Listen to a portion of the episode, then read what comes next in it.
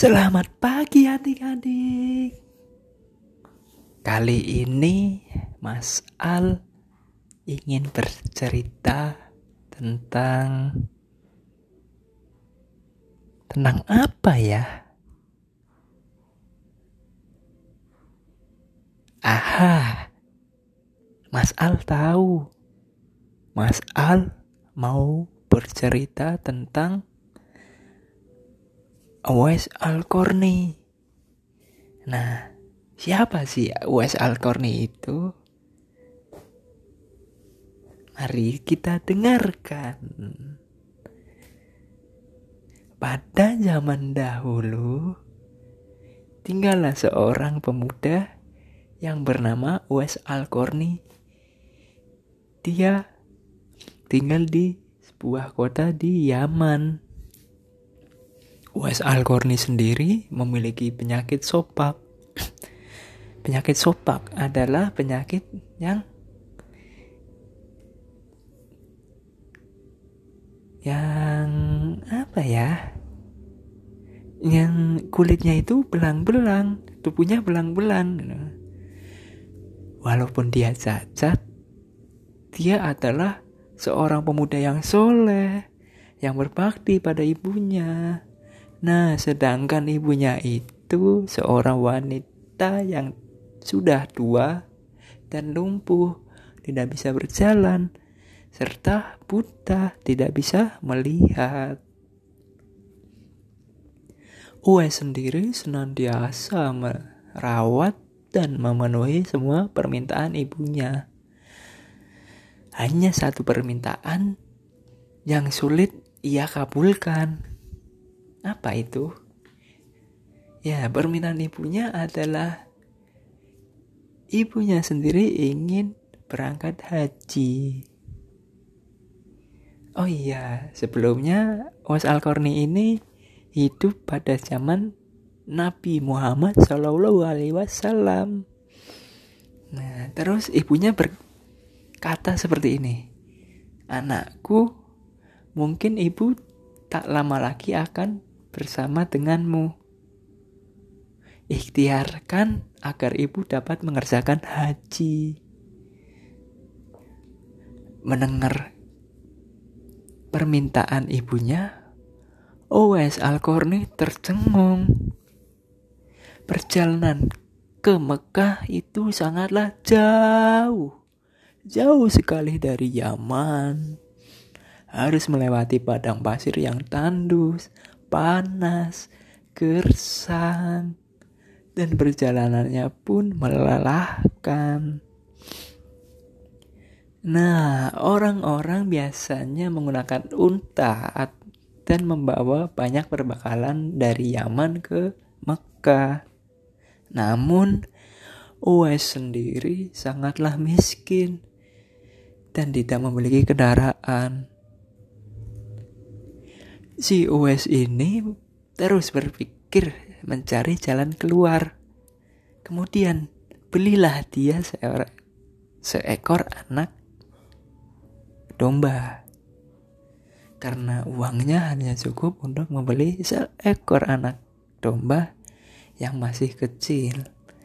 Nah, apa sih gunanya US membeli domba itu. Dan dia tidak mungkin kan naik haji memakai domba. Dan ternyata OS membuatkan kandang domba di puncak bukit. Setiap pagi, beliau bolak-balik menggendong anak lembu tersebut eh, anak domba tersebut naik turun bukit. Banyak orang yang mengatakan oh, kalau OS itu gila. OS gila, OS gila. Begitu kata orang-orang. Setiap hari OS itu naik turun bukit menggendong anak lembu. Eh, anak domba. Lama kelamaan domba itu tambah besar, tambah gemuk. Beban yang diangkat Uwes sendiri tambah besar, tambah berat. Tapi dia tak pernah mengeluh. Setiap hari dia mengangkat si domba itu naik turun, memberikan makan, memberikan minum. Hal itu untuk latihan Uwes agar dia merasa badannya itu kuat. Nah, setelah 8 bulan berlalu, sampailah musim haji di mana domba punya Owes Alkorni ini bobotnya sampai 100 kilo. Wow, itu berat sekali. Nah, Owes sendiri juga sudah bisa mengangkat domba tersebut, ia menjadi kuat untuk mengangkat barang-barang. Nah, sekarang orang-orang sekitar OS tahu bahwa dia mengangkat domba tersebut punya tujuan agar dia bisa menggendong ibunya untuk berangkat haji. Tibalah waktunya dia untuk berangkat haji dia menjual domba tersebut dan menggendong ibunya untuk berangkat haji dari Yaman ke Mekah. Subhanallah, alangkah besar cinta Uwais kepada ibunya. Ia rela menempuh perjalanan jauh dan sulit demi memenuhi keinginan ibunya. Sesampailah. Uwais di depan Ka'bah, ibunya terharu dan bercucuran air mata. Setelah dia sampai ter dia sampai di tempat tersebut. Nah, ibunya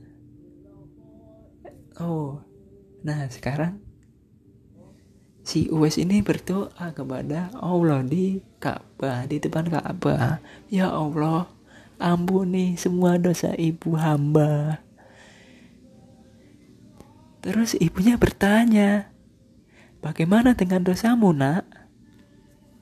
Uwais menjawab, dengan terampuninya dosa engkau ibuku, maka engkau akan masuk surga. Cukuplah ridho dari engkau wahai ibuku yang akan membawa diriku ke surga juga. Subhanallah, itulah keinginan Wes yang tulus dan penuh cinta. Allah Subhanahu wa taala pun memberikan karunia-Nya. Seketika penyakit yang diderita Wes al ini hilang dan hanya tertinggal bulatan putih di tangannya. Nah, itu cerita hari ini. Terus, apa yang kalian dapatkan dari cerita ini? Nah, pembelajaran yang di yang kita dapatkan adalah yang pertama, kita harus berbakti kepada orang tua seperti Wes Al-Qarni. Walaupun dia dianggap orang aneh, dianggap gila karena dia mengangkat domba dari atas bukit ke bawah bukit setiap harinya, tapi dia memiliki tujuan khusus. Nah, setelah itu pembelajarannya kita dapat memiliki tujuan yang benar-benar kita harus capai kita harus bersemangat seperti Wes Alkorni. Mungkin sekian dulu dari Mas Al. Bisa kita sambung lagi di hari berikutnya tentang dongeng kehidupan Wes Alkorni. Selamat malam.